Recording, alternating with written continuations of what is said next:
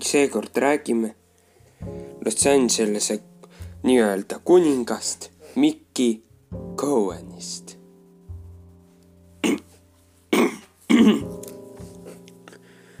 õige nimega Meyer Harris Cohen.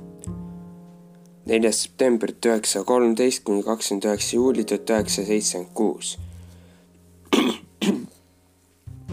ta oli gängster, kes elas Los Angeleses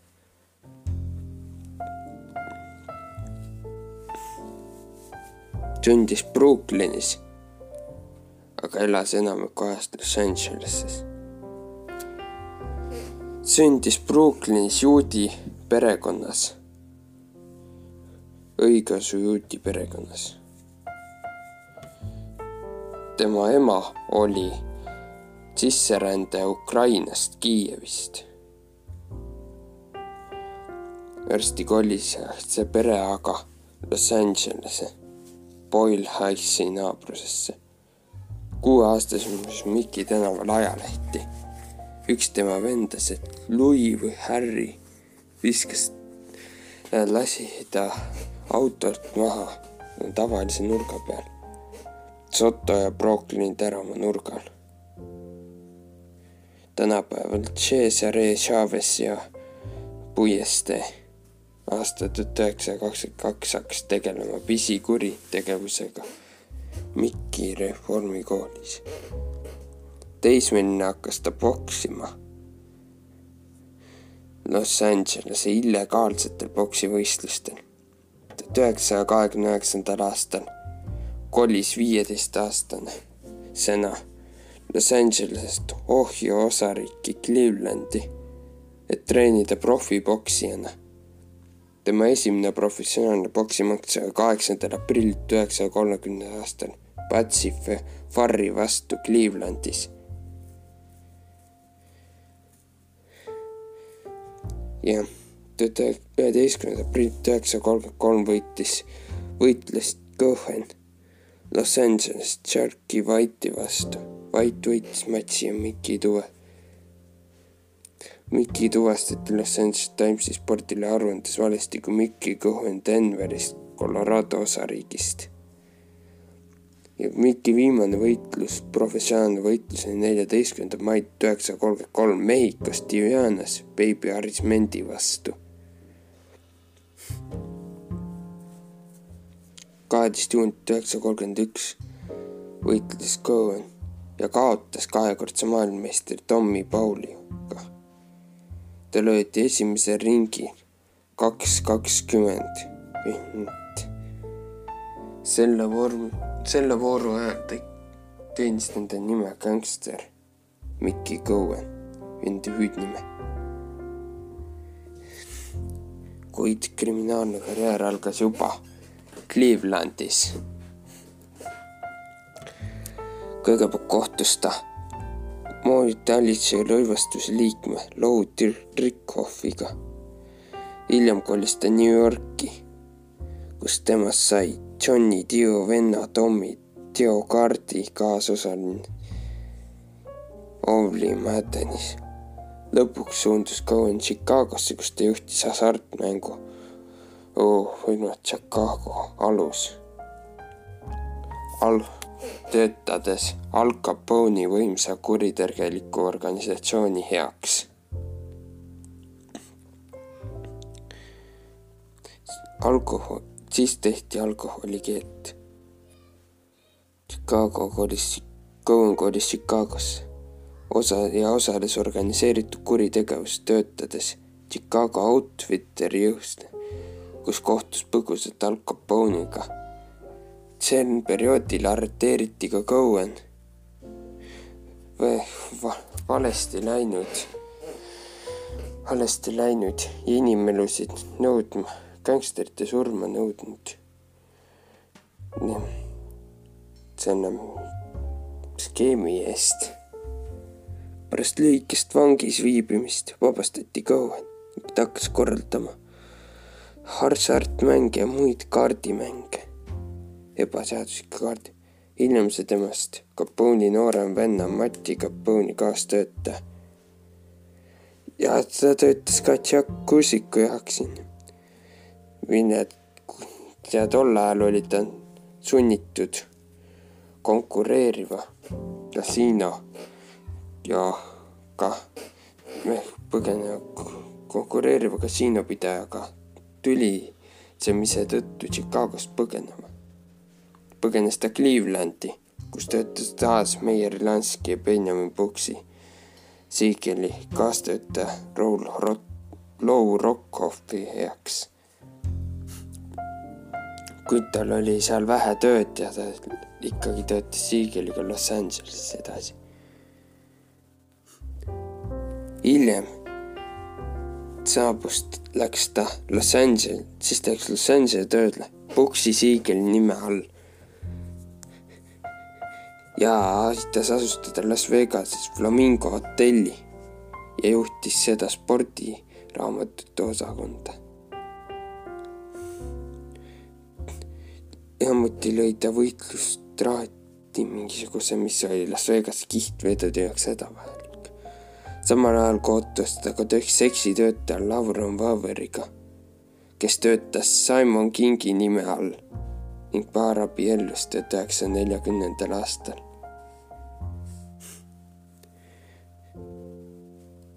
Neljakümne seitsmendal aastal telliti, tellisid kuritegelikud gängsterid Siigeli mõrva hotelli, Flamingo hotelli halva juhtimise tõttu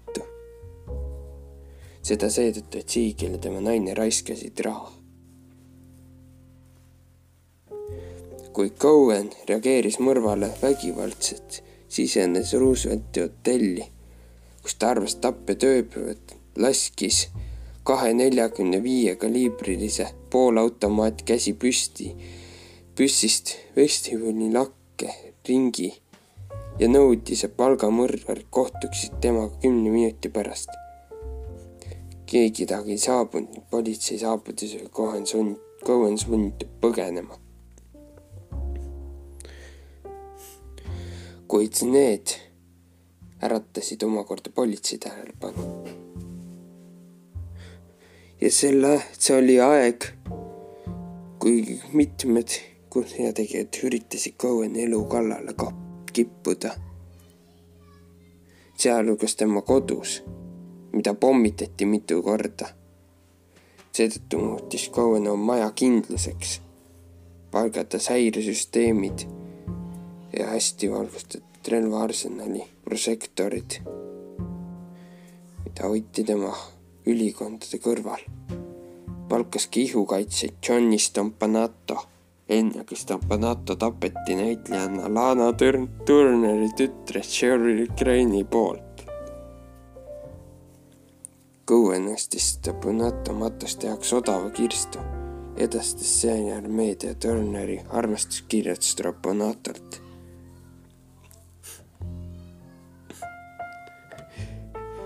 kuid hiljem, hiljem uurid, USA senat hakkas uurima Cohen'i.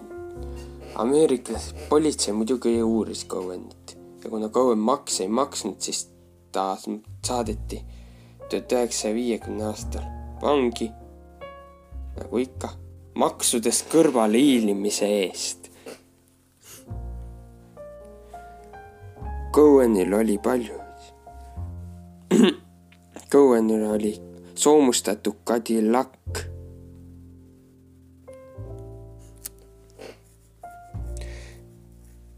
tuhat üheksasaja viiekümne seitsmenda aasta kirjutas Time Cohenist artikli kus Cohen ütles, olen kristliku eluviisi tõttu väga kõrgel tasemel. Pilli tuli ja ütles enne, söök ütles, mitte see, mida, mida te, te nimetate, see on söök või? Või jah, rääkis palju Kristust ja muust. väidetavalt Cohen on palju oma elustiili muutnud, temaga puutus kokku paljud kristlased. tuhat üheksasaja kuuekümne aasta esimesel aastal mõisteti Cohen maksudest kõrvalhoidmises süüdi ja saadeti Alcatrassi. kuid ta esitas apellatsiooni ja see läks läbi ning ta pääses Alcatrassist välja. ta saadeti Georgia osariiki Atlanta föderaal, Atlantast föderaalvanglasse. sellel samal perioodil konfiskeeriti ka ta tugevalt soomustatud Cadillac Los Angelese politseiosakonna poolt. Neljateistkümnenda augusti üheksasada kuuskümmend kolm üritas kinni püüda Burn, Burn Lestes McDonald Atalanta föderaalvanglas viibimise ajal Cowenit pliitoruga tappa.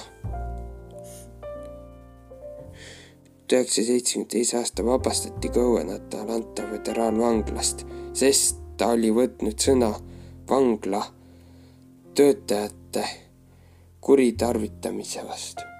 Vanglad, ühesõnaga vanglatöötaja kuritarvitas vange. tal oli valesti diagnoositud haavad, mis osutus maovähiks. pärast operatsiooni jätkas ta ringreisi Ameerika Ühendriigis, tegi telesaateid,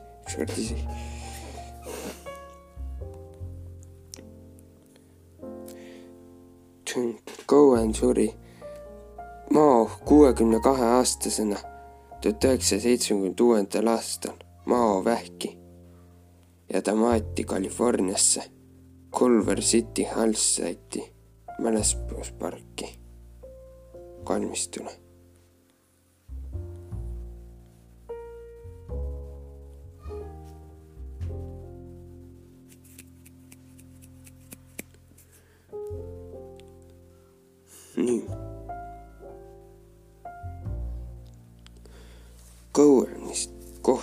see otseselt ei oska öelda. otseselt ei oska öelda, mida Cowen tegi. tal oli igasugused sõbrad vanglast vabanes ta tänu Carlos Marcello New Yorgi, New Orleansi maffia bossi tõttu.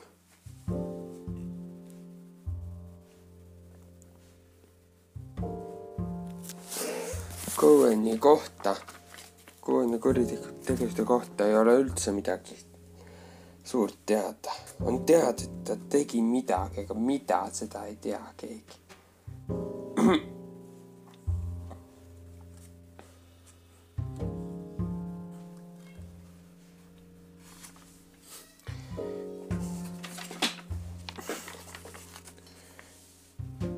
Cohen maksis politseile pääseda,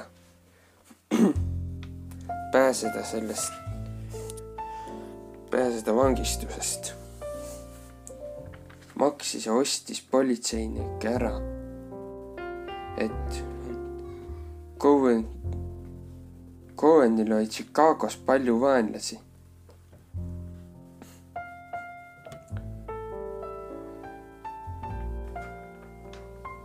politseinikud.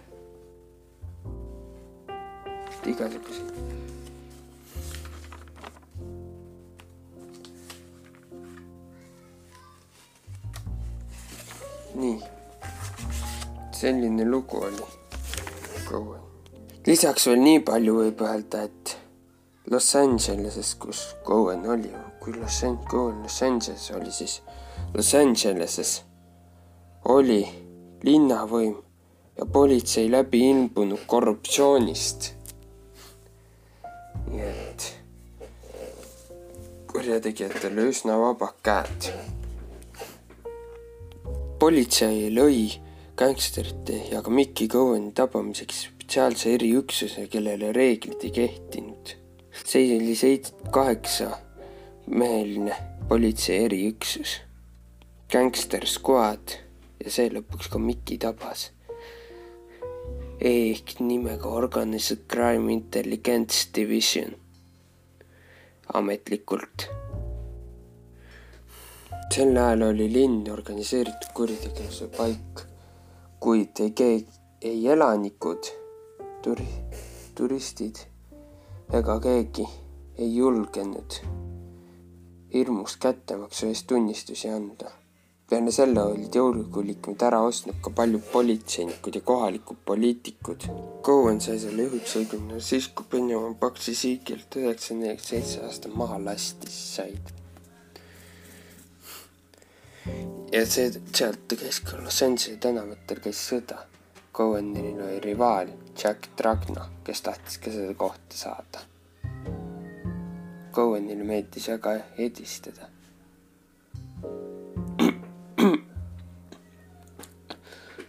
Cohen tappis kaks aastat enne, tappis ma-, kihlvedude vahendaja Maki Shermani mänguvõla pärast. Kui ka pääses karistusest, sest väitis, et tegutses enesekaitseks. Cohenit oli politsei võimatu tabada, sest ta oli Los Angeles, teadis Los Angeles kõiki kohti ja kõiki ning on meister oma avaliku maine kujundamises. Gangster Squad mõtles välja kavala plaani. hirmutamine. Vahetasid, politseinikud vahetasid ühe oma autonumbri Illinoisi võrdse numbrimärgi vastu. kes asus Chicago, kus Cohen oli palju vaenlasi. aegsi sõitsid politseinikud Coheni ärist mööda ja kui täpselt selle ees pissid on püstol kuulipildujad avatud akendest välja. poe ees meil Cohen'i mees kohe kõnniteel maha. kiiresti selgus Cohen'i tahu. siis kurjategija hirmutamiseks läheb vaja palju enamat. Seetõttu mõtles politseinik välja kavalama plaani. kui Cohen õhtul pidutses, hiilis üks tehnikaeksperdist politseinik gängsteri vilja juurde, sisenes ebaseaduslikult ja paigastas gängsteri riidekappi mikrofoni politseinikud aga ei arvestanud seda, et pealtkuulaja mõjutab Cohen'i telerit. ja Cohen sai mikrofonist teada. mikrofon pani pildi verre. Cohen tabas raevuse koristaks neid tasi ära, alles keelati tulla, siis ära parandada. ja helistas teleri mind ettevõttes. ja seetõttu läksid kaks teleri parandajaks maskeeritud politseiniku Cohen'i ukse taha ja paigaldasid sinna teleri, mis, mikrofoni, mis töötas teise sagedusel ja ei seganud Cohen'i telerit. Pakkused lubasid kord nädalas läba ja peast veendunud, kõik on korras.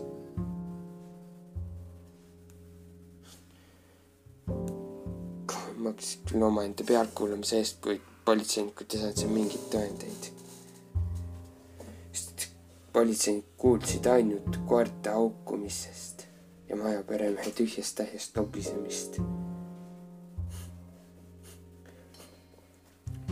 Samas paljud politseinikud olid saanud altkäemaksu bordelli omanikelt ja neid oli kutsutud peente lõunasöökida. Cohen samas ise proovis ka teisi hirmutamistaktika, hirmutada. näiteks saatis Gangster Squadi juhile Willie Burnsile matusepärja kus peal olid tema naisi. Burnsi naise nimi. Burnsil muidugi ei olnud kahtlust, kes saadetis taga oli. midagi ei olnud võimalik tõestada. ja midagi ei olnudki võimalik tõestada. õtte kinnisin. kui Cohen oli meister hädakisse tõstma ja kõik teadnud, paha politsei taga kiusas ettekandis. politseinikud said hulgani kätte hulganisti arveid ühel hetkel, mis näitas Cohenile väljaminekut, mis ületas märgatavalt tavalise kaup, puidukaupmehe sissetuleku, näiteks andsid ühele sisekujundajale nelikümmend üheksa tuhat kolmsada kakskümmend üheksa dollarit töö eest oma villas ja oli maksnud kaheksa dollarit kingade eest. Cohen selgitas, et ta ei olnud raha saanud ebaseaduslikest tegevustest, vaid oli äsja laenanud kolmsada tuhat dollarit. Ja ütles, kui on ebaseaduslik pisut pappi naera-, laenata, siis jah, ma olen süüdi, naeratas ta, kui võimetid üle kuulasid. mida kuradit, kolmsada tuhat dollarit laenata. Cowen tahtis, et tema valvur Hawkins hangiks dokumendid laseks kõik põletada, kõik viitungite arve, kõnet tema tarbimisharjumust. Kui gangster Squad oli Hopkinsile maksnud ja mees võttis Omaraga ühendust ning niimoodi saidki Cohen kätte. Cohen läks vangi, kuid vabanes sealt õige pea ja pärast natuke enne Coweni vabastamist tegi Hawkins ettepaneku, et tuleks puhastada õlita ja kontrollida kõiki püstoleid, mida boss omas, et nad oleksid valmis juhul, kui boss vabastatakse. Bowenil muidu oli eritellimusega hangitud soomustatud Cadillac, kuid ta ei saanud sellega midagi teha, sest see vajas sõitmiseks eriluba, mida Cowenile muidugi ei antud. Hawkins tegi natukene Coweni vabastamist. Ettepaneku, et tuleks puhasta õlist ja kontrollida kõiki püste, mida vangistab boss oma, et need oleksid valmis, kui boss vabastatakse. Cohen nõustus, nõustus ja seetõttu vaid lasi Hankinsi, see võimaldas Hankinsi minna majja, võttes et seitse relva. kuid Hankins reetis Coweni ja lubatud hoolduse tegemise asemel sõitis ta koos Omaraga politsei lasketiir. ja sealt tuli välja, et ükski seitsmest relvast ei ole Coweni nimel. Cowenil oli ka oma puukool samas kui pakuti, et osta, osta taim Coweni puukoolist, siis sellest ei tohtinud keelduda, sest gängster ähvardas kõiki, kes keeldusid taimi vastu võtmas vägivalla ja vandalismiga. tõsi, rünnakutest ja mõrvadest ta siiski hoidus. kuid seda suutis ta lausa mitme, mitmeid aastaid hoida kuid tuhat üheksasaja viiekümne üheksa aasta teisel detsembril juhtus midagi ja fassaad lagunes.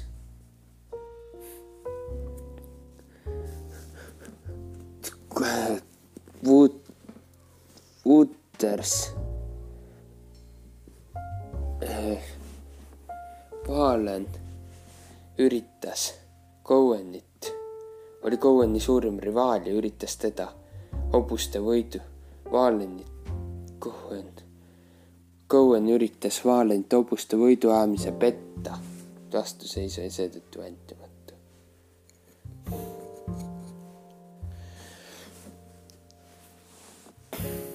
Valen küsis Wootersit abi ning ähvardas, helistas ja ähvardas Cohenit, kes vastas, et ta õhtul on restoranis Rondeli restoranis ja Vaanen võiks lihtsalt kohale tulla. Ja au päästmiseks pidi ta minema, kuid ta keeld-, Wooters keeldus teda aitamast. selle asemel helistas ta endistele kolleegidele ja rääkis neile peatsest relvakonfliktist Los Angelese all maailmas. nagu Mikki Cohen läks restorani seal oli Coweni armuke Sandy Hagen ja kaks Coweni käsilast Sam Lotsigno ja George Bissitelle. Enne kui Vaalne laua taha jõudis, tabas kuulda tema laupa ja mees langes elutult põrandale. restoranis viibinud inimesed põgenesid paanikas, laskjat ei teata. siis kõlas politsei alarm ja linnas, linnas oli toimunud järjekordne gängsteri mõrv Mikki Cohen eitas kohe igasugust seotust tapmisega. mina lihtsalt sõin makarone, seletas ta kohale saabunud politseinikule. Äkki kuulsin ma lasku. kuid te arvate, mul oli tegemist enda peitmisega. Coheni külmkülalised laua ääres kinnitasid samuti, et ainult laske kuulnud. tunnistajate ülekuulamine selgitas, et Cohen ja tema sõbrad valetasid näiteks rääkis üks ärimees, et Cohen oli temast kinni krabanud, uskudes, et ta oli üks Valeni kaasosalisi. Uurimiste läbimurre tuli siis, kui politsei leidis mõni tund hiljem restorani lähedalt kilekotis kolm relva. relvi lahti võttes avastas politsei kahel neist oma ara märgistusid, need kuulusid seega Cohenile. kuus päeva hiljem andis Coheni sõber Lotsigno end politseile üles väitis, et oli Valenit tulistanud enesekaitseks gängster Squad veendus sellega, et ta saab Coweni kätte. Los Igno rääkis, et just tema oli mõrva sooritanud, kui palju vastas selle, talle süü omaks võtmisest makstud ning kuriteo tagasi tegelikult Cohen. ta protsessil esitas Omara relvad tõendina. kohtu all polnud Cohen, vihjas Omara tundlikult gängsteri bossina on Valin surmaga rohkem kui üks seos. Cohen ise valetas kohtus umbes sajal korral ja väites, et ta pole ilmaski ühtegi relva omanud hiljem, kolmekümne esimesel märtsil tuhat üheksasaja kuuekümnenda aastal mõisteti Los Signo eluks ajaks vangi. küsimus Cohen'i kaastusest andis Cohen'i õiguse paar aastat hiljem kaasust taas avada, kuid siis selgus, et politsei tõendid ei pidanud vett. Uus ekspertiis näitas, et ükski lehtud relvadest polnud Valeni tulistamiseks kasutatud kohus leidis, et relvade varasem tõenditena esindamine oli olnud ilmne viga ning loo Signo mõisteti õigeks. läbikukkumine mõjus Oor Marale rängalt, et ta lahkus mõni päev hiljem politseist. ka Cohenil ei läinud hästi. samal aastal mõisteti maksupettusest viieteist aastaks vangi. Ja pär-, õige pärsti pärast seda hävi kadus Gangster Squad suurkorjategijad olid Los Angeleses haarde ja ka juhi kaotanud. nii politsei juhtkond proovis unistada, et neil oli viisteist aastat olnud üks tegutses väljaspool seadust. ja Cohen aga avaldas tuhat üheksasaja seitsmekümne viiendal aastal oma memuaarid, kus oli kirjas vana, ühe vana mõrva kohta Sam Lotsigno poleks suutnud tabada isegi tantsusaali seina. isik, kes Valin tabas, oli laskmises ekspert. ta ei saanud kartnud see, kuigi sai vihje lisada ja mina ise olin oma püstoliga neetult hea. nii, tulumaksu tagastus oli lõpuks see, mis Cohen'i vangi saatis. mõrva eest ei suudetud teda kunagi vangi saata ta toodi, ta läks üheksasaja kuuekümne esimese aasta toodi kohtu ette ja süüdi kolmkümmend aastat pärast ka tuntud Al Capone'i juhtumit. tolle kohtuprotsessil osales sada üheksakümmend neli tunnistajat ja kohtupaberid täitsid kaheksa tuhat masinakirja lehekülge. Tunnistajate väite oli Cohen raha kõikjale kulutanud tunnistajate sõnul tavaline Cohen kandis endaga kaasas kolmkümmend tuhat dollarit sularaha. maksuametile esitatud andmest polnud võimalik sellise seadusliku tulu kohta dokumente leida. karistuseks oli viisteist aastat vangistust, mille ta veetis põgenemiskindla vanglasaarel Alcatrassis ning hiljem riigivanglas Georgia osariigis Atalantas üheksa aasta pärast üheksasaja seitsmekümne teise aasta Cohen vabastati ja teda ei unustatud.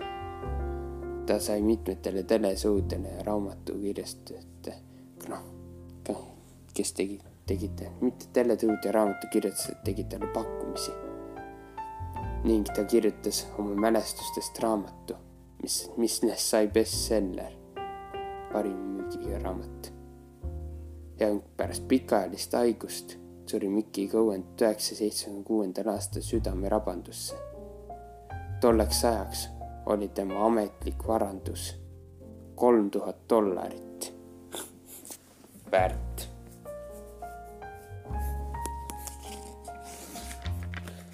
jah, see oli siis kuulus sa gängsteri bossi, kuulsa gängsteri bossi Sanjay gängster bossi Mickey Cohen'i. Mickey Cohen on olnud ka filmides nimega Puksi tuhat üheksasada üheksakümmend üks, Los La La Confidential, Los Angeles Confidential tuhat üheksasada üheksakümmend seitse ja Gangster Squad kaks tuhat kolmteist on mainitud Mickey Cohen'it